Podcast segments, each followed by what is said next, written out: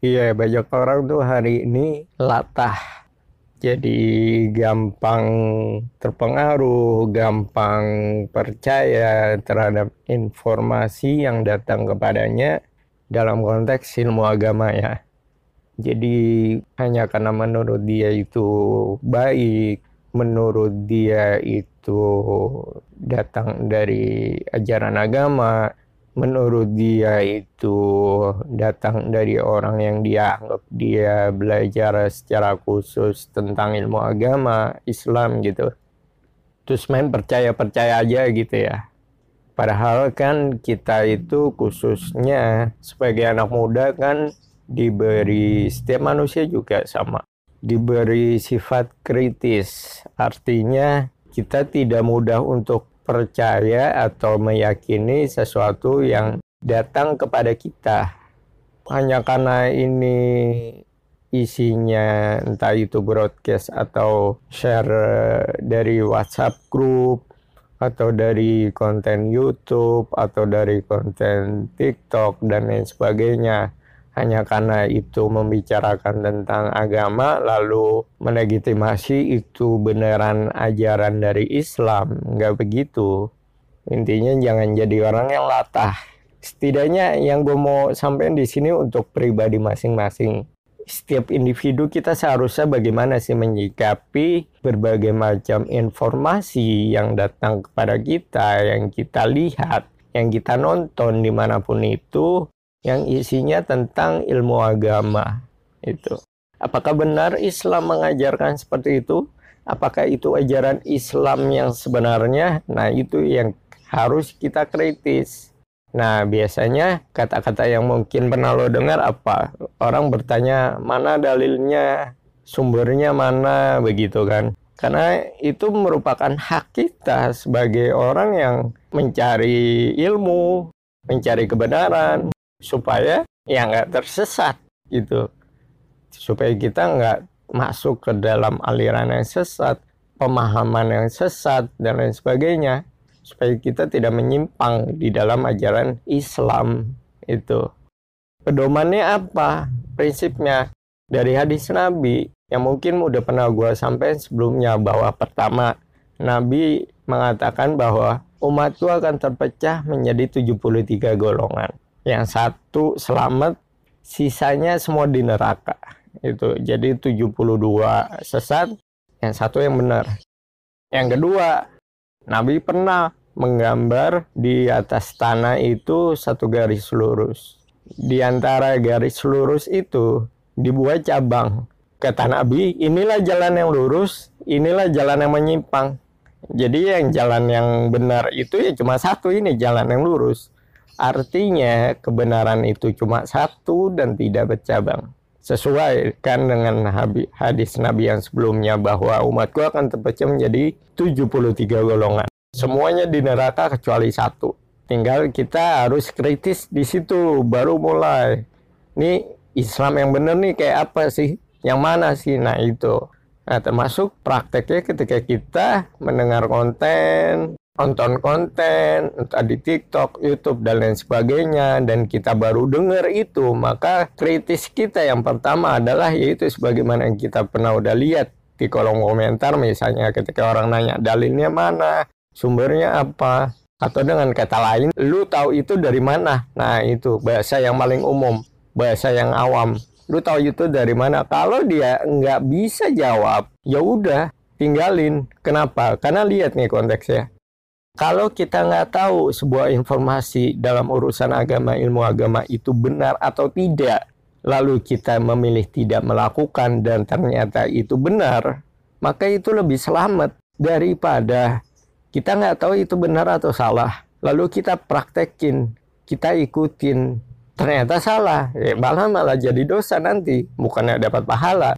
Itu kalau kita nggak tahu itu benar atau salah dan kita melakukannya dan itu pas betul benar gitu ya udah nggak ada pembahasan cuma yang jadi masalah kan kalau kita nggak tahu mana yang benar mana yang salah itu benar atau salah informasinya tentang suatu ilmu agama lalu kita meraktekin juga dan ternyata salah ini yang namanya fitnah menjadi fitnah bagi kaum muslimin Karena apa? Ya kita nggak bisa mastiin ini gue ngomongin konteksnya individu ya. Masing-masing orang nih, ini maksudnya yang harus lo lakuin sebagai individu tuh seharusnya begini, sebagaimana juga yang gue lakuin tentunya. Karena itu prinsipnya itu tadi, cuma satu golongan yang selamat, cuma satu yang benar, artinya garis lurus itu yang digambar oleh Nabi Shallallahu Alaihi Wasallam. Sirotol mustaqim itu jalan yang lurus. Nah yang bercabang kan banyak ya kita harus tahu nih selama hidup kita tuh berjuang untuk itu nyari hidayah nih Islam yang benar nih yang mana gitu. Karena apa? Ya jauh lebih banyak yang sesat daripada yang benar. Karena yang benar cuma satu. Kalau gue pribadi nih gue pribadi berpikirnya sederhananya begini. Ini kan perkara yang penting perkara yang paling utama dalam hidup yaitu tentang urusan agama. Gue berpikirnya begini gue nggak mungkin main-main setengah-setengah terlalu cuek dengan ilmu agama yang gue pelajari. Kenapa? Karena ini perkaranya dunia akhirat bro, sis. Itu, lu salah mengimani tentang suatu hal, ya efeknya ke bawah sampai hari kiamat nanti. Contoh, contoh paling sederhana dan tapi ini fundamental adalah bagaimana lu beriman kepada Allah deh. Kan kita orang Islam tahu ya rukun iman. Pertama iman kepada Allah. Sederhananya, kalau lu nggak tahu cara beriman kepada Allah dengan benar, ya maka akan rusak ke sananya nanti. Karena perkara yang paling penting di dalam agama menurut skala prioritas yaitu tentang kalau bahasa umumnya akidah. Secara spesifik tauhid. Ada istilah akidah, ada tauhid. Ada lagi nanti yang lain namanya manhaj. Ada manhaj yang paling umum, bawahnya lagi akidah, lebih spesifiknya lagi tauhid. Jadi manhaj itu artinya sederhananya cara beragama yang benar. Jadi Islam yang benar tuh kayak apa? Nah itu di manhaj. Salah satu cabangnya ya akidah. Akidah itu macam-macam. Intinya tentang keimanan atau keyakinan. Kita harus tahu nih prinsip-prinsip agama tuh kayak apa sih, apaan aja begitu. Nah salah satu bagian dari akidah adalah tauhid. Tauhid itu artinya apa? Sederhananya ya, ya rukun iman yang pertama iman kepada Allah. Artinya Tuhan yang lu sembah itu sifatnya kayak apaan aja sih? Jangan-jangan selama ini Allah yang lu sembah itu, yang lu tiap hari sholat, lu salah mengimaninya kan fatal jadinya. Itu contoh meyakini Allah ada di mana-mana. Ya terus ter kalau nanti dari kiamat Allah nggak terima iman kita itu, ya gimana masuk neraka bahaya nggak ada tempat kembali. Nah itu sederhananya begitu. Jadi kita ya sebisa mungkin ya semaksimal mungkin dengan potensi diri kita yang ada, kemampuan kita yang ada, berusaha untuk menggapai hidayah dari Allah, petunjuk secara spesifik. Furqan al-Furqan artinya pembeda. Ini kita tahu nih yang salah mana, yang benar mana.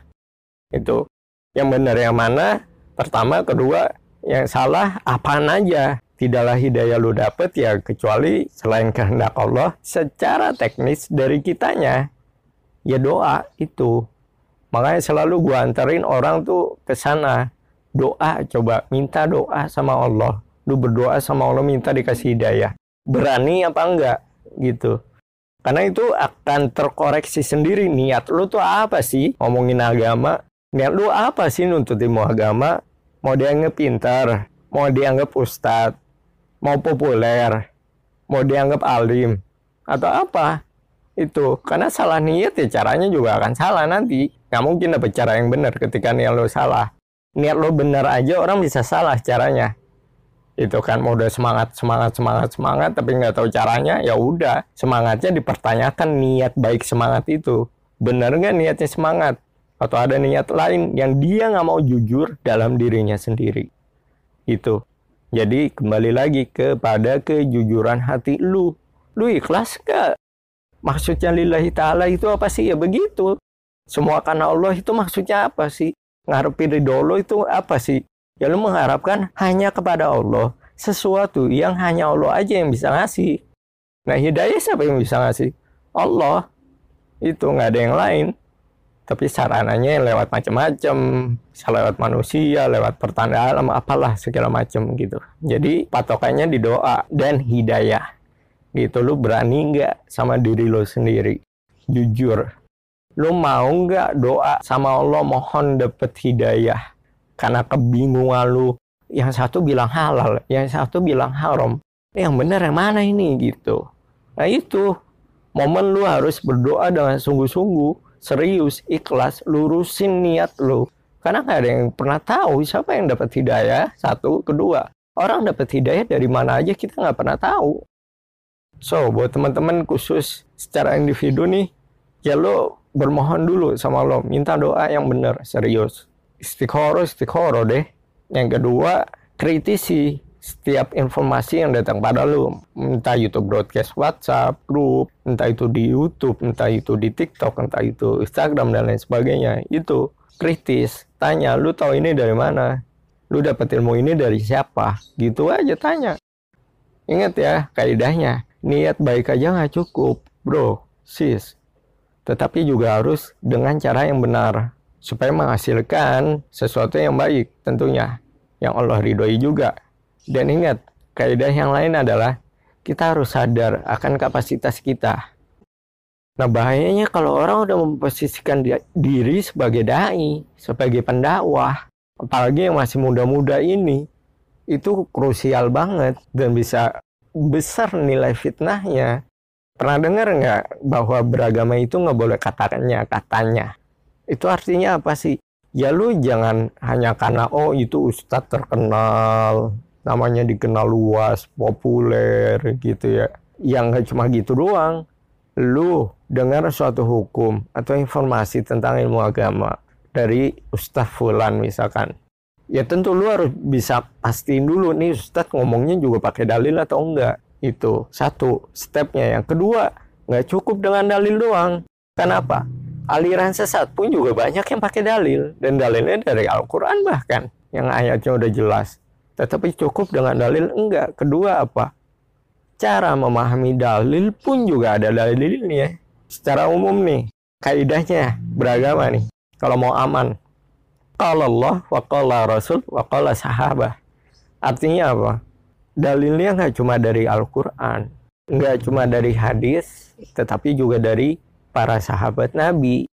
Kalau perkataan Allah Tuhan namanya firman, itu Al-Quran.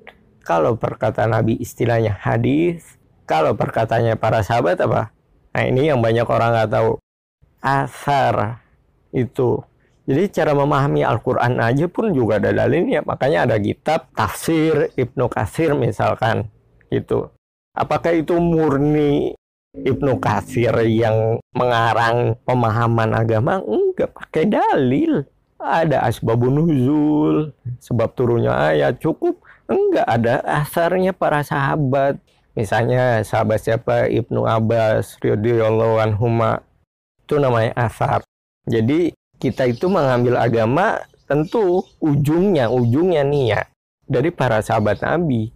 Lalu bagaimana mungkin kita mengambil agama, ilmu, pemahaman, cara beragama dari selain para sahabat Nabi?